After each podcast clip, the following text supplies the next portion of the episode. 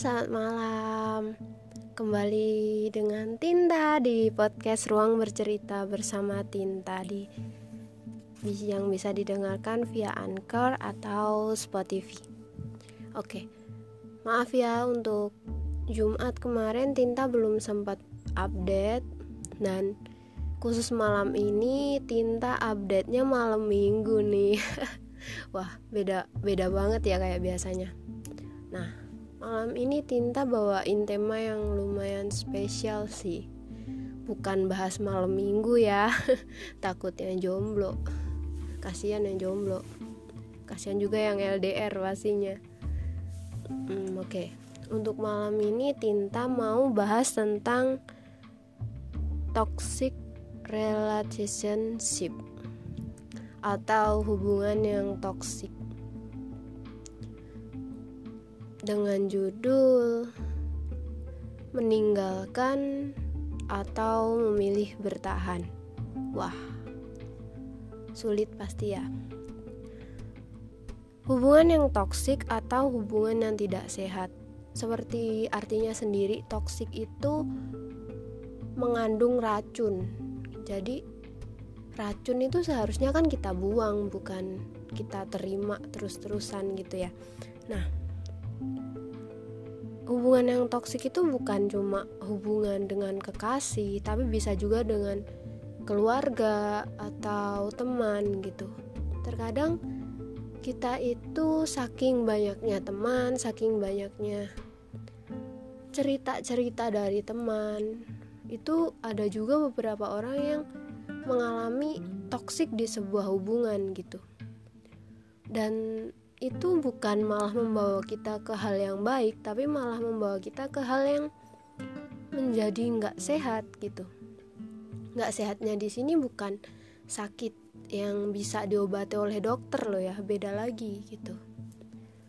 Nah jika apa sih ciri-cirinya toksik itu kak? Semua tanya gitu ya. Kita jika kita di dalam hubungan yang toksik kita itu bakalan yang pertama kita bakalan susah untuk menjadi diri sendiri. Kenapa kok susah menjadi diri sendiri? Karena di dalam hubungan yang toksik itu pasti kita itu ngerasa tertekan ditekan sama orang lain gitu. Semua pacar.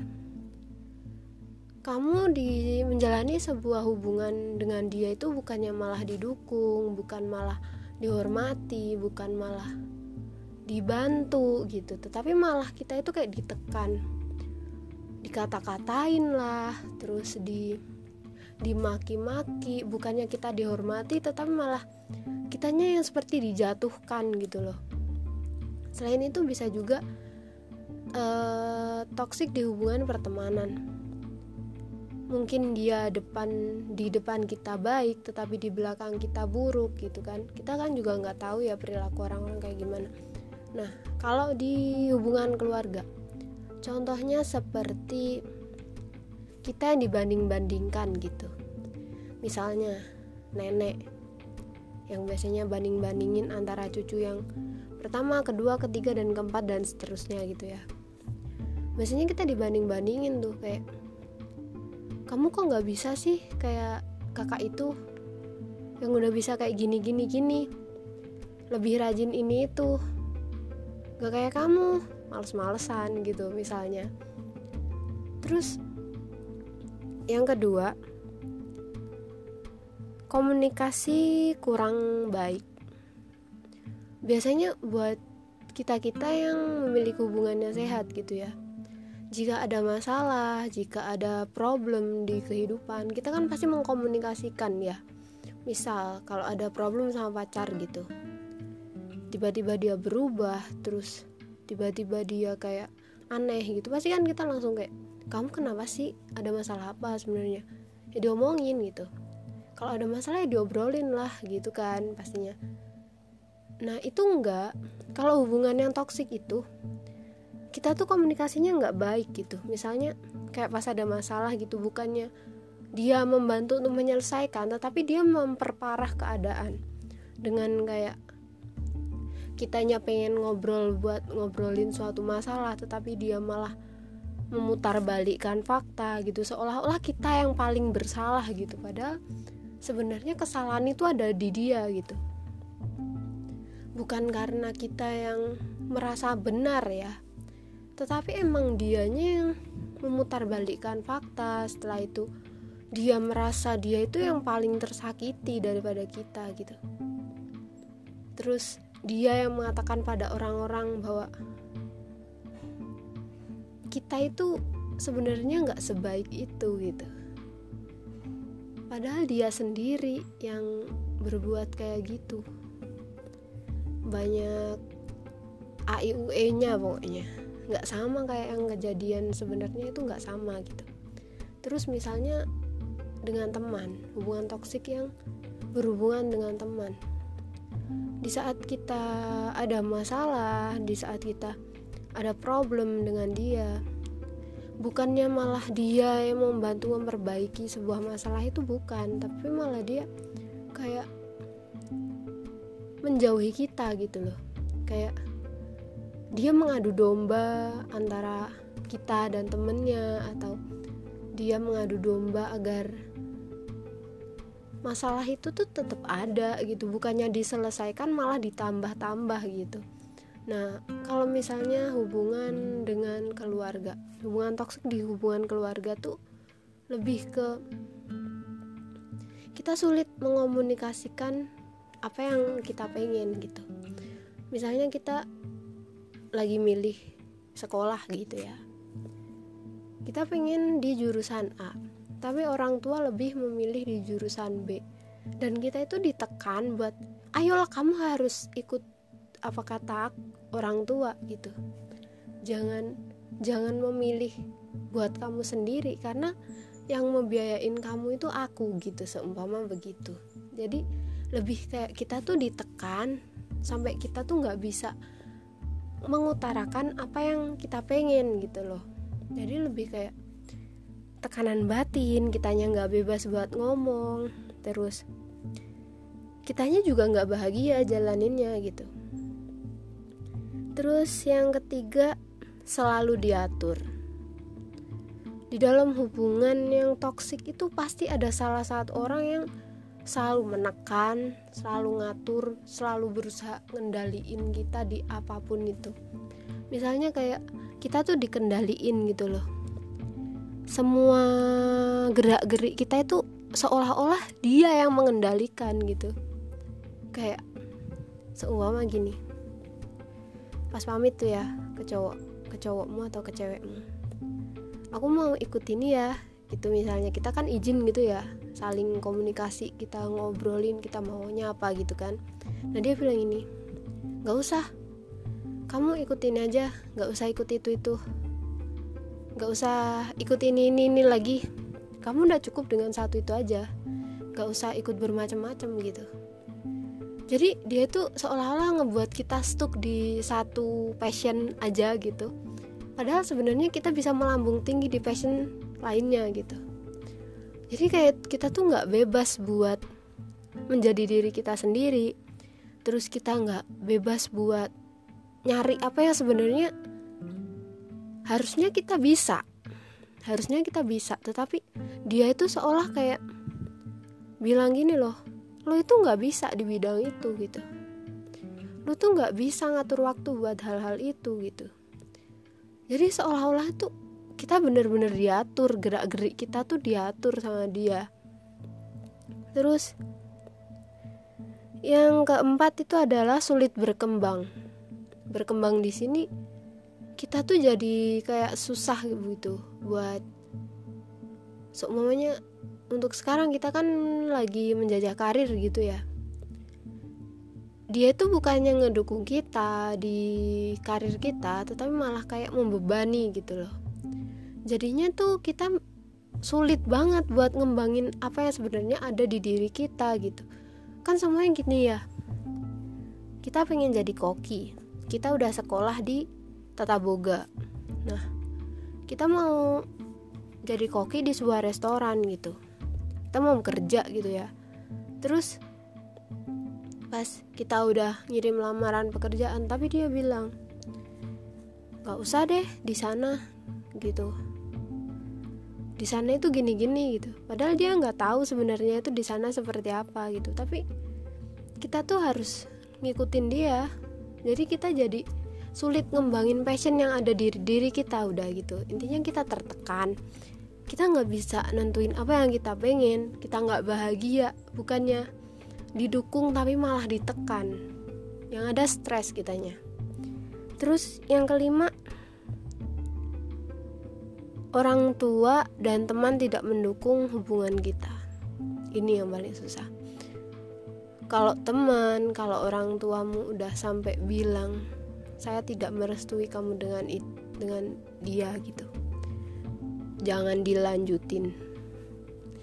Karena gimana ya? Satu penilaian teman, satu penilaian orang tua di saat udah mengecap seorang seseorang itu dengan etikat buruk gitu itu pasti beneran buruk bunda beneran buruk gitu misalnya ya iya tahu sih kalau emang bener pepatah bilang bahwa cinta itu selalu membutakan gitu. Itu relate banget gitu.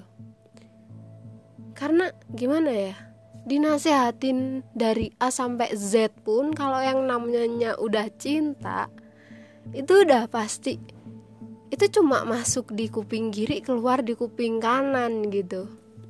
Nggak ada faedahnya sebelum bener-bener sadar gitu disadarin lewat kenyataan. Disadarin lewat perlakuan dia ke kita gimana gitu. Apalagi kalau udah ketemu sama masalah. Keluar semua sifatnya. Yang awalnya manis-manis yang awalnya kayak baik banget gitu. Terus ternyata saat ada masalah kelihatan boom udah kayak bom nuklir yang pecah. Begitu emang. Seseorang yang toksik itu pasti dia itu selalu apa ya? Biasanya itu ada yang mengekang ada yang ngegantung ke kita ada yang perilakunya itu nggak banget gitu loh ada juga yang otaknya ketinggalan gitu. Eh, jadi emosi kan? Maaf maaf. Kadang-kadang tuh ya gitu. Kalau orang yang toksik itu seumpamanya yang gini ya. Kita udah bener-bener capek ya sama dia. Sifat dia perilaku dia. Tapi kita masih bertahan sama dia. Iya deh nggak apa-apa. Besok dia berubah. Mungkin gitu ya. Kalau kalau orang cinta mah gitu mikirnya gitu mungkin de, besok dia berubah gitu.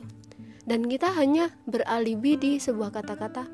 Setiap orang memiliki sisi baik dan buruknya sendiri-sendiri. Kita menutup telinga kita dengan kata-kata itu.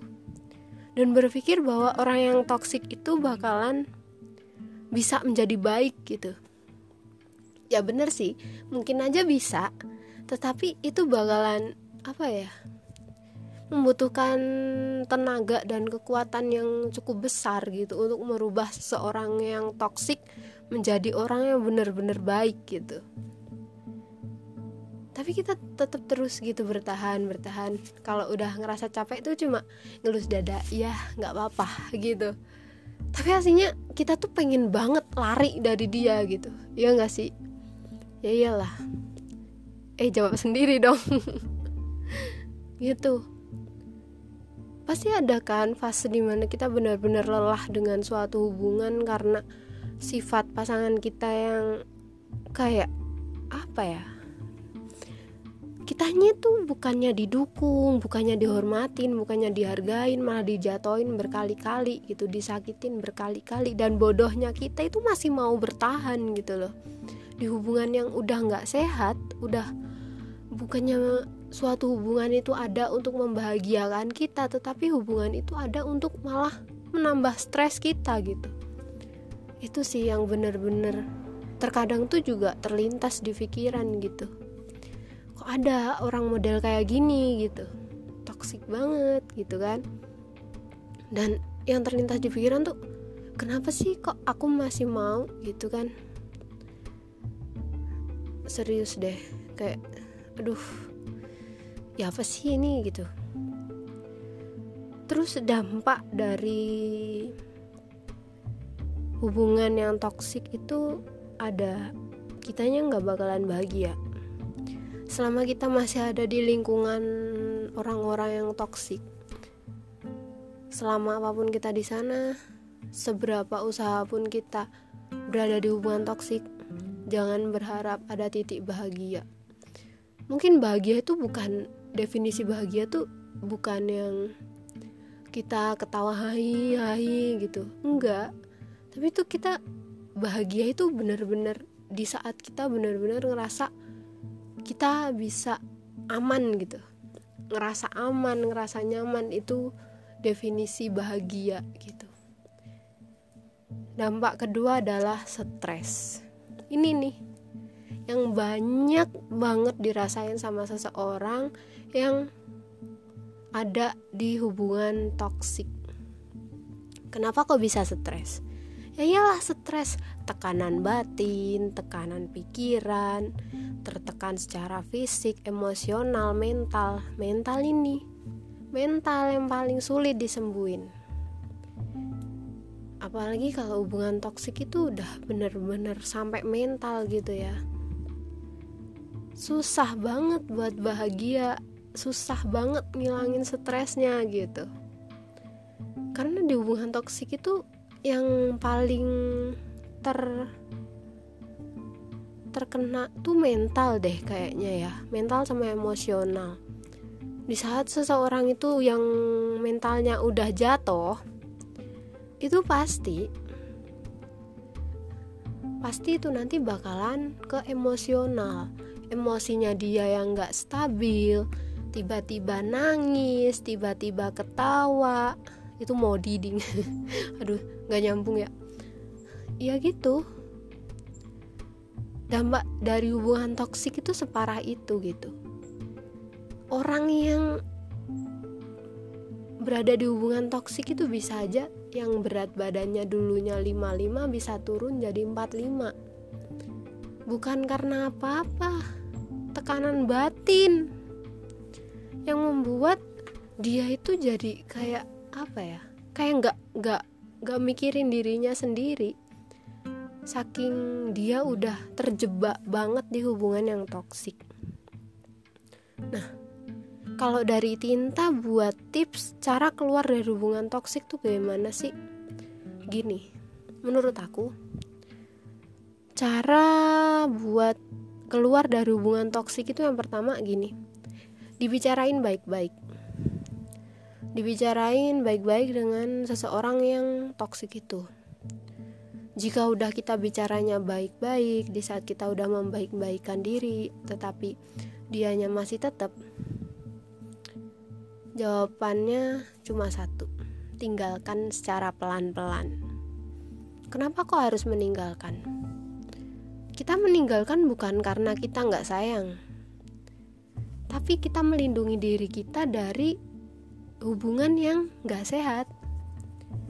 Bukannya kita itu gak peduli gitu tapi kita lebih peduli sama diri kita sendiri gitu loh. Jika kamu tetap bertahan di sebuah hubungan yang toksik pasti kamu akan tertekan tertekan tertekan begitu lama-lama bukannya bahagia malah stres. Bukannya gemuk malah kurus gitu. Bukannya maju malah mundur. Bukannya sehat malah gila gitu loh. Jadi kenapa sih kita harus ninggalin seseorang yang toksik yang pertama orang yang toksik itu bisa aja meracuni kita dengan hal-hal buruk. Yang kedua bisa dilogika kamu memilih kamu sehat, mentalmu sehat, apa kamu gila, pikiranmu stres, mentalmu jatuh. Yang ketiga, tiga apa keempat ya? Keempat kayaknya. Itu kamu memilih maju atau mundur. Mundur di sini berarti kamu nggak bisa berkembang, kamu nggak bisa memanfaatkan passion yang ada di diri kamu gitu. Yang kelima, Selama kamu masih berada di hubungan yang toksik, mau sampai kapan? Mau sampai kapan berada di hubungan yang toksik yang gak sehat yang gak ngebawa kamu ke hal yang baik? Dan biasanya orang yang toksik itu lebih mengedepankan nafsu. Itu. Nafsunya gede. Kamu itu sebenarnya bukan dicintai bisa aja kamu itu hanya sebagai pemuas nafsunya dia itu hubungan toksik Terus pesan tinta buat orang-orang yang berada di hubungan yang masih toksik ya. Baik itu toksiknya temen, baik itu toksiknya pacar, baik itu toksiknya keluarga. Cuma satu. Tinggalkan atau bertahan.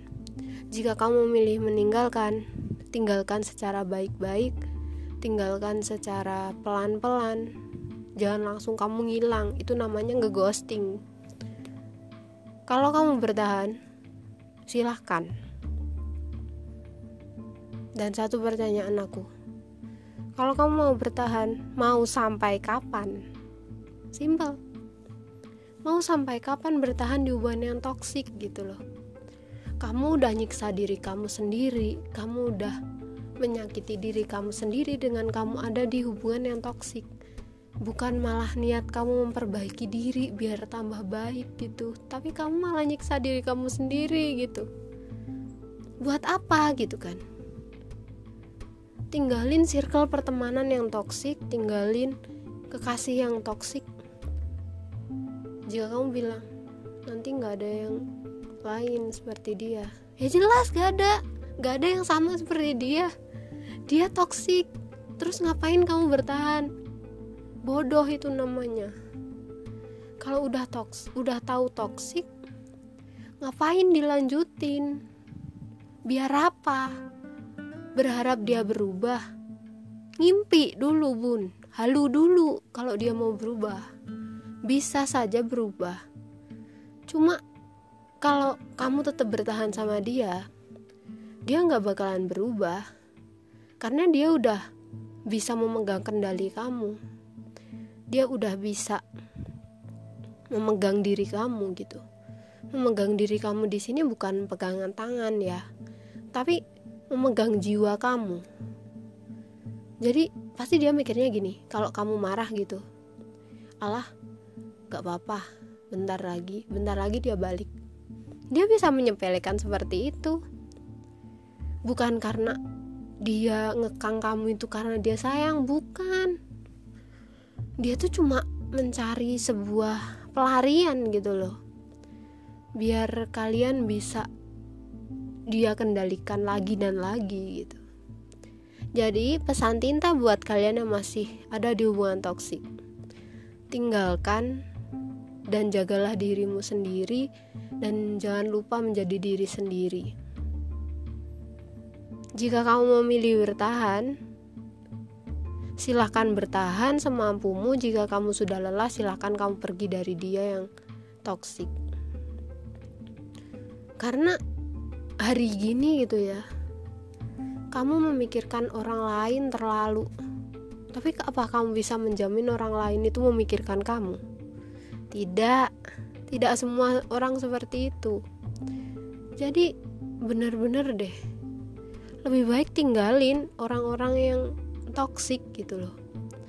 Mau kamu bertahan sampai kapan pun kalau orang itu toksik itu bakalan percuma.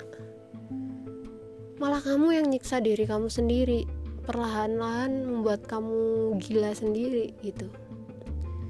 Jadi kalau masih kuat ya silakan bertahan kalau udah capek ya udah berhenti aja bener sih kata patah kalau capek itu istirahat bukan bukan menyerah tetapi kalau kamu dengan orang yang toksik, kamu pakai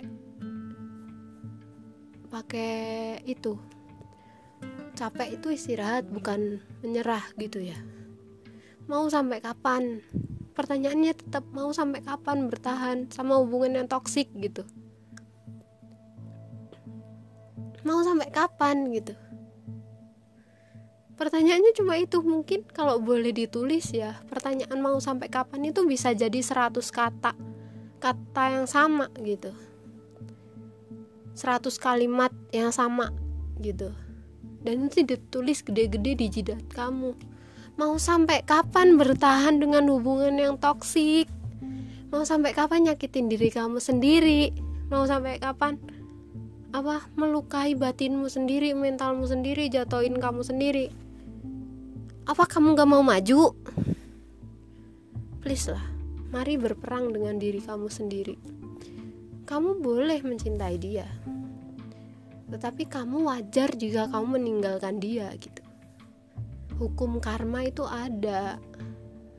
Jadi jangan pernah merasa jika kamu meninggalkan dia terus kamu ketakutan gak ada gak ada pengganti dia gitu.